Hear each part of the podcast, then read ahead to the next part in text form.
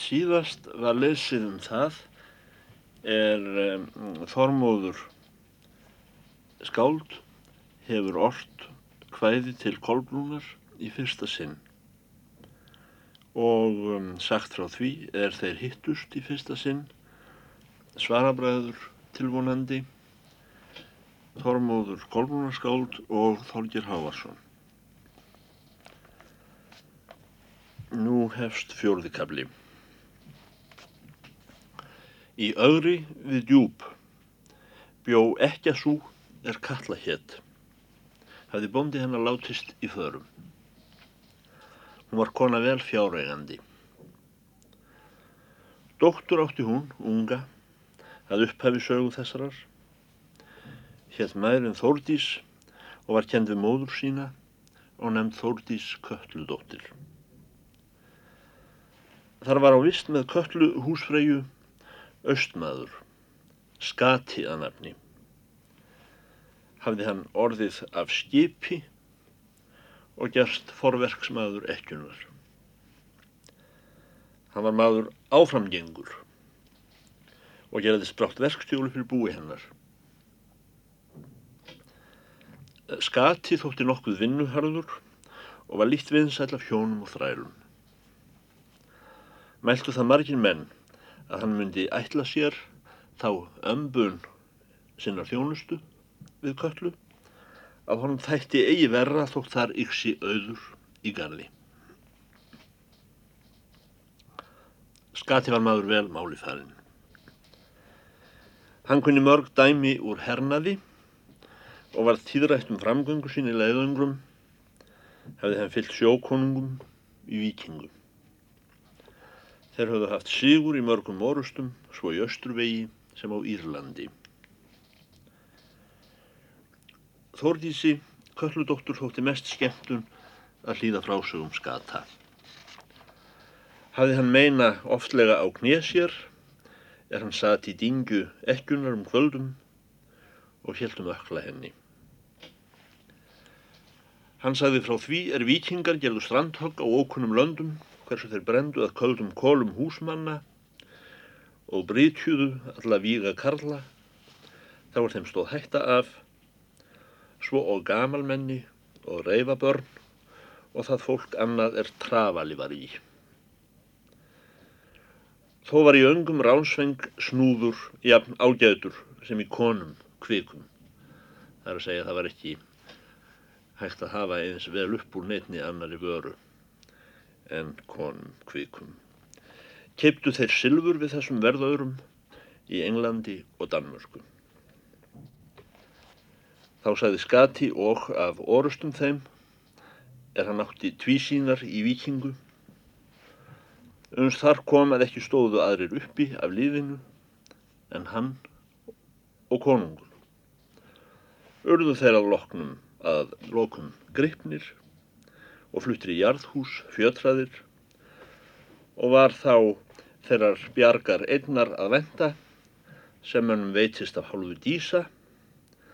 Eða var þeirra góðkvenda í útlöndum sem kallaðir eru prinsipissur. Og rann minni oft í brjóst á knið vikingin áður en þar kæmi að þeim skata og konungi yfir borgjur kvísund þótti henni gott að sofa undir ræðum þess manns er hún efaði eigi að mestur veri garpur á Norðurlöndum.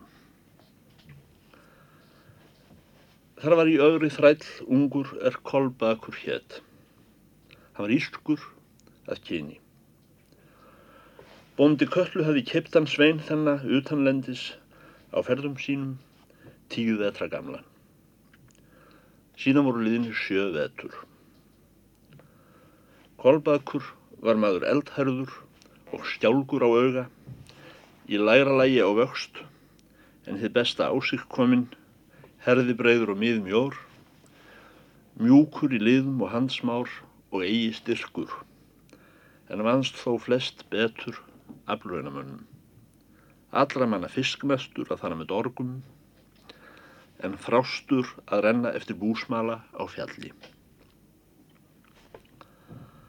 Kolbakur fór aldrei með glens við menn að þeirra bræði. Var hann lettur í máli og gladbeittur við hvern sem á hann yrði. En þá var hann fór einn saman brá skígi yfir andlit honum. Svo sem hugleiti hann nokkra þá hluti er eigi vissu aðrir menn. Það var sem frelsingjum skafröðun að sjá þræl þennan. Vart komin að bass aldrei. Vinna flest verk stjótara og betur en þeir. Leittist mönnum að dorgaði hlið þræli og verða eigi varir meðan hann dró í sífellu. Eða sjá hann renna brattar skeiðar er þá brast þreg.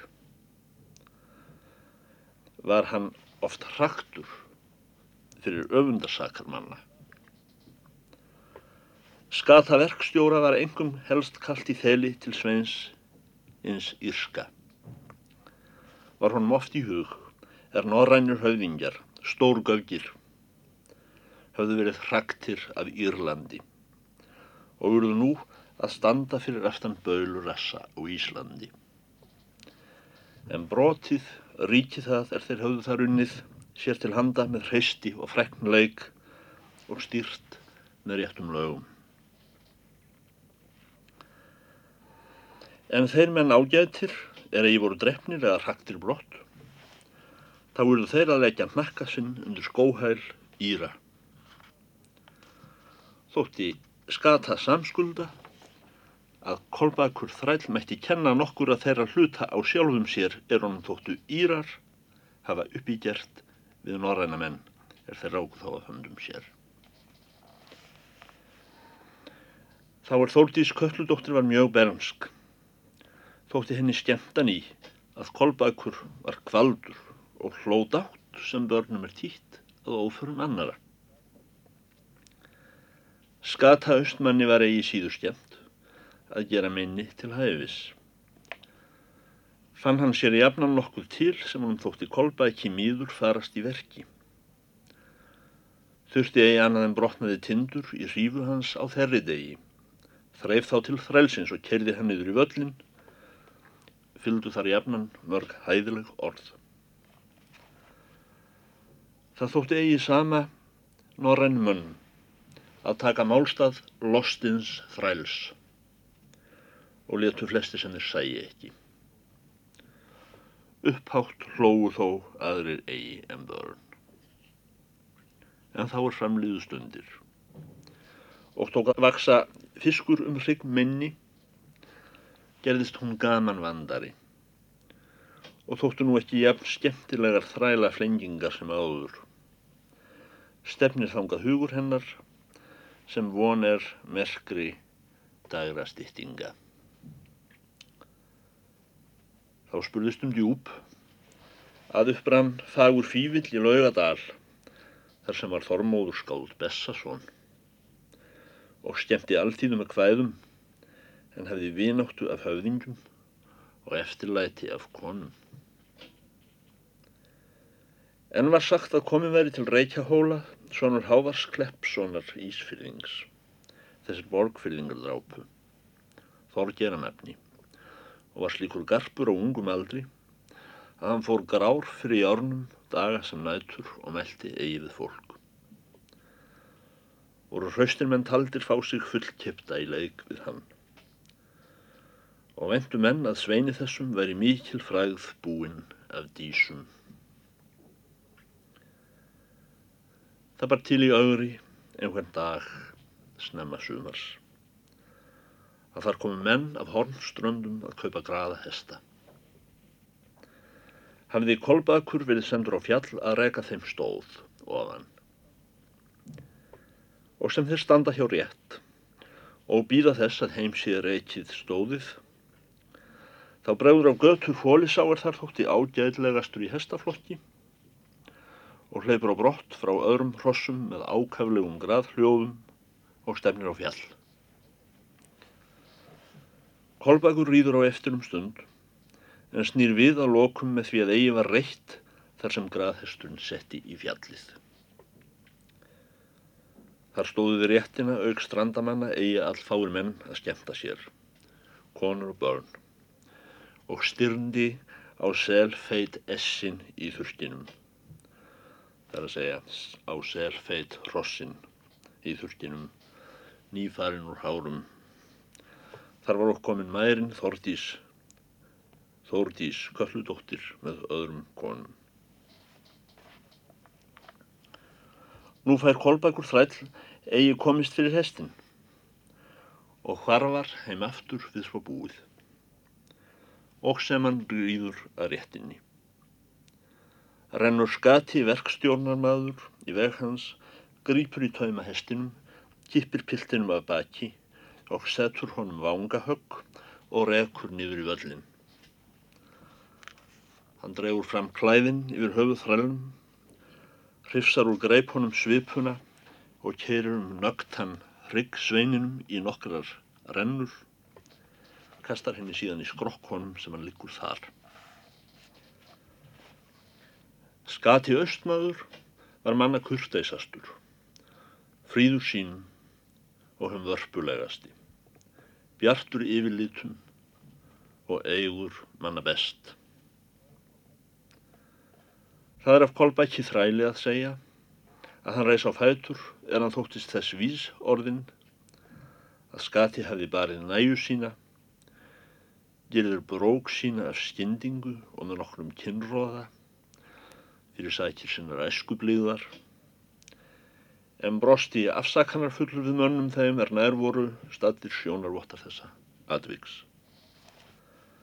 Síðan heldum hann áfram starfi sínu að kaupa hrossin. Að áliðnum degi gekk mærin Þórdís heim hafði hún skemmt sér lengi um daginn að hestónum með leikmegjum sín. Og leið skjókt úr minni þeim sá atburður er nú greind frá.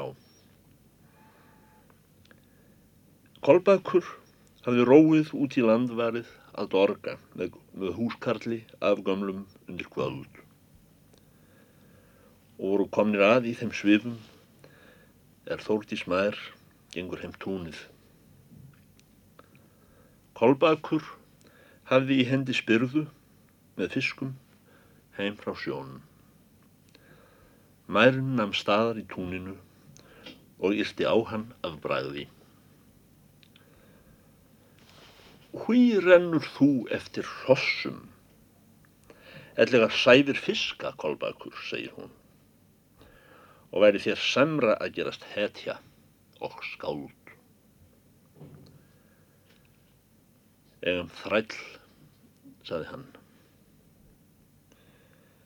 Hverju sætir það, spurði hún, að þú ert þræll, svo fríður maður og megu aðrir menn berja þig að vild sinni? Hetjur og skáld vitjuð mín heima á Írlandi, meldi hann. Hví grætur þú eigi þá er þú ert barður, spurði maðurinn. Því græt ég ei, ung kona, meldi hann og hafði lagt fiskana í grasið meðan hann rætti við meina því græt ég ei að hetjur og skáld brendu hús mitt. Þeir hjöggu föður minn á akri og lögðu afa minn spjóti, örvasa mann.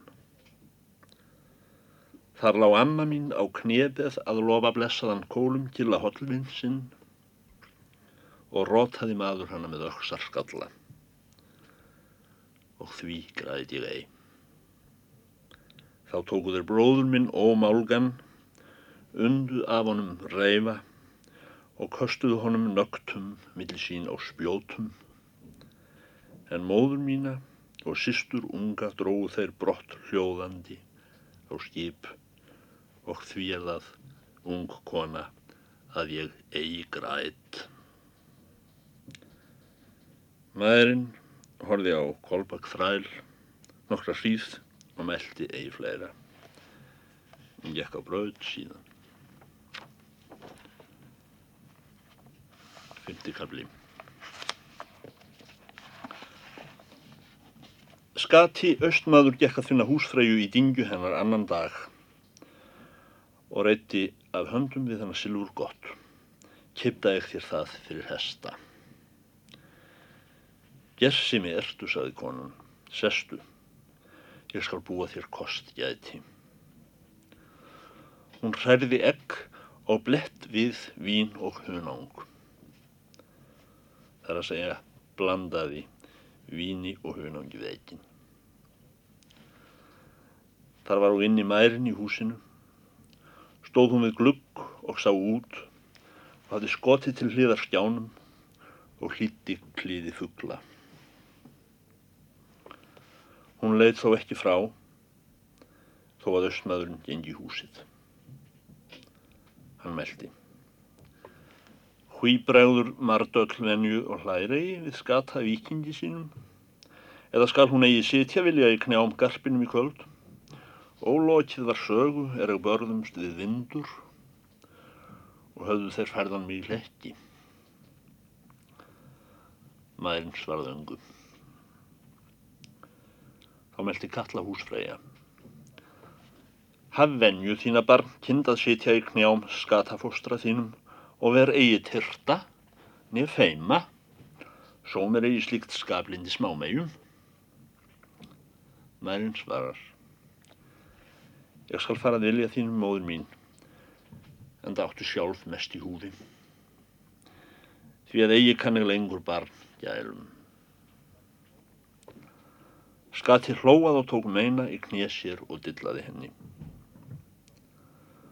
Síðan hóf hann frásögu af því er vindur höfðu gert hann handtekinn og fært í lekki.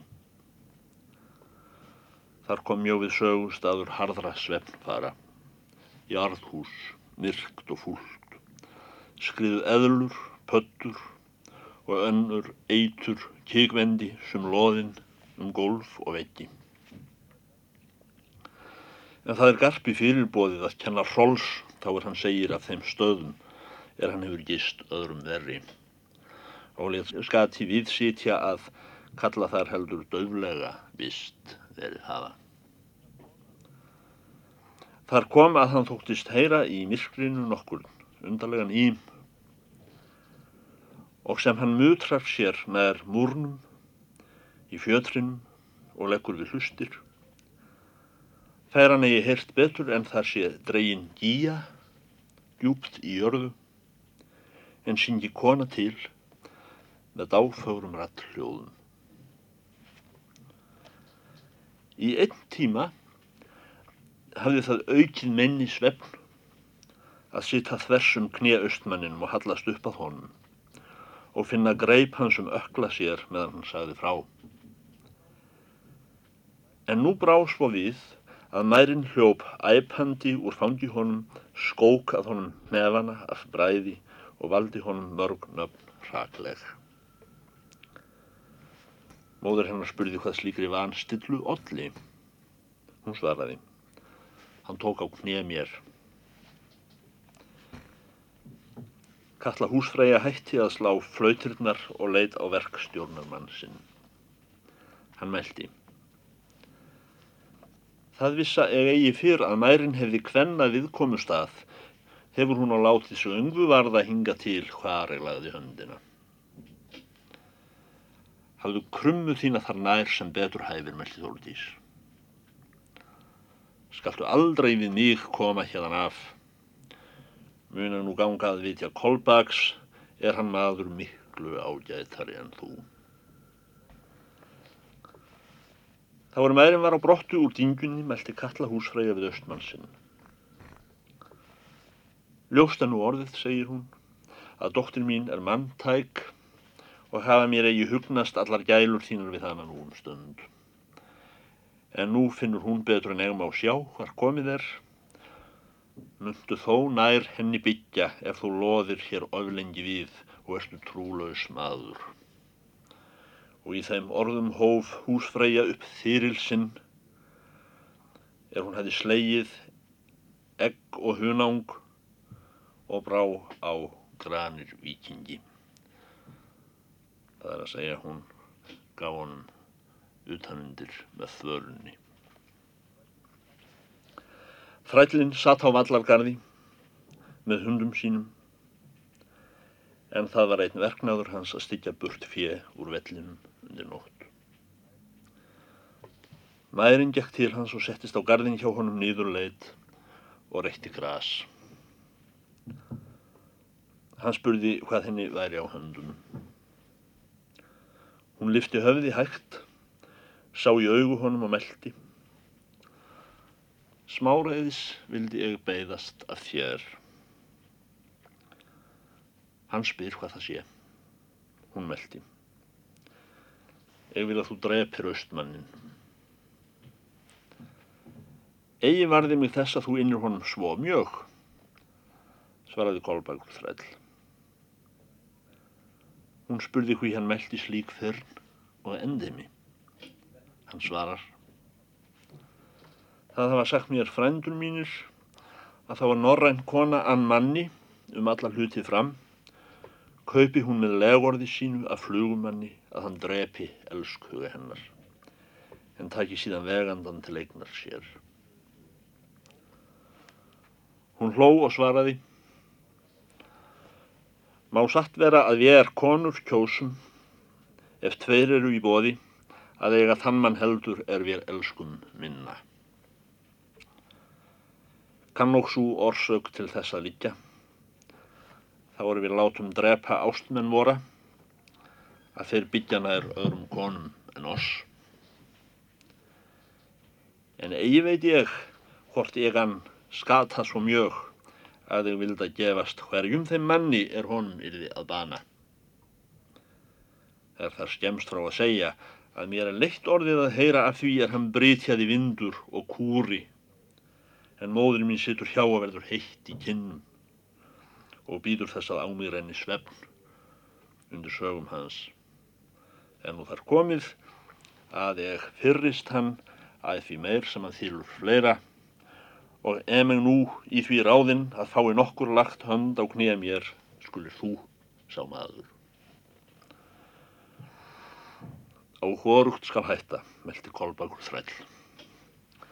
Taka á knýja þér, ellegar vega austmann ykkarn og verða svo af ónýtju hlutum rétt dræpur. Viltu láta berja þig þá, sagði maðurinn og reysa aldrei hnakka þinn. Littlu setur þó ekki barður, saði hann.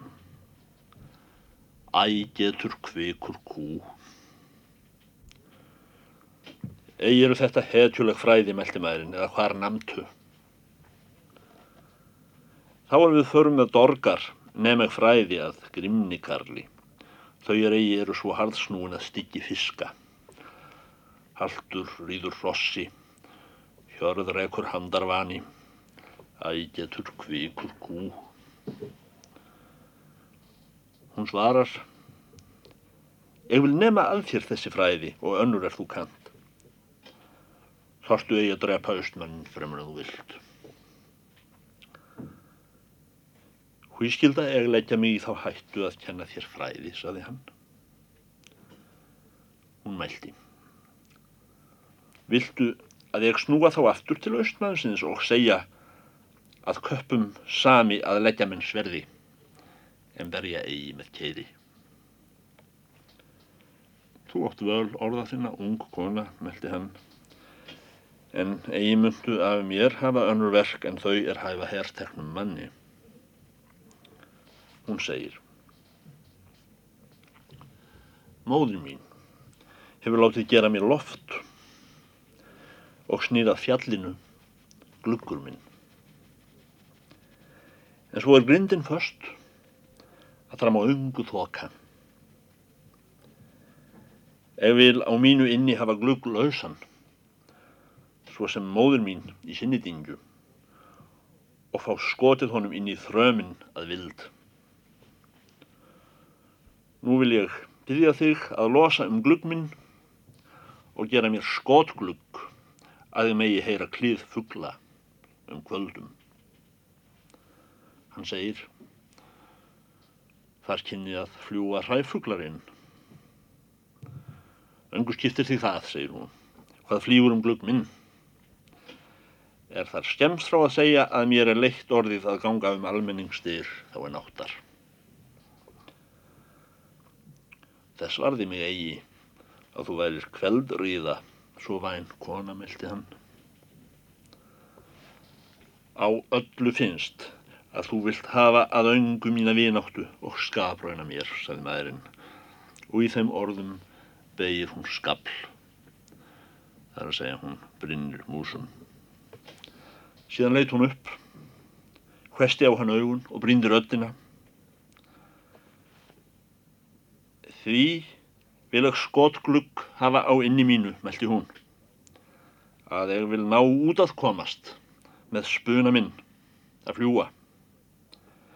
Veit ekki hvar á ströndu byggja garpartveir, ungir, og lýr annar ísarn í sverð, en hinn skrifar fornsögur á skjöld. Mun ég þar leggja frá mér haminn á nesi og drýja þeim örlög. Hann svarar.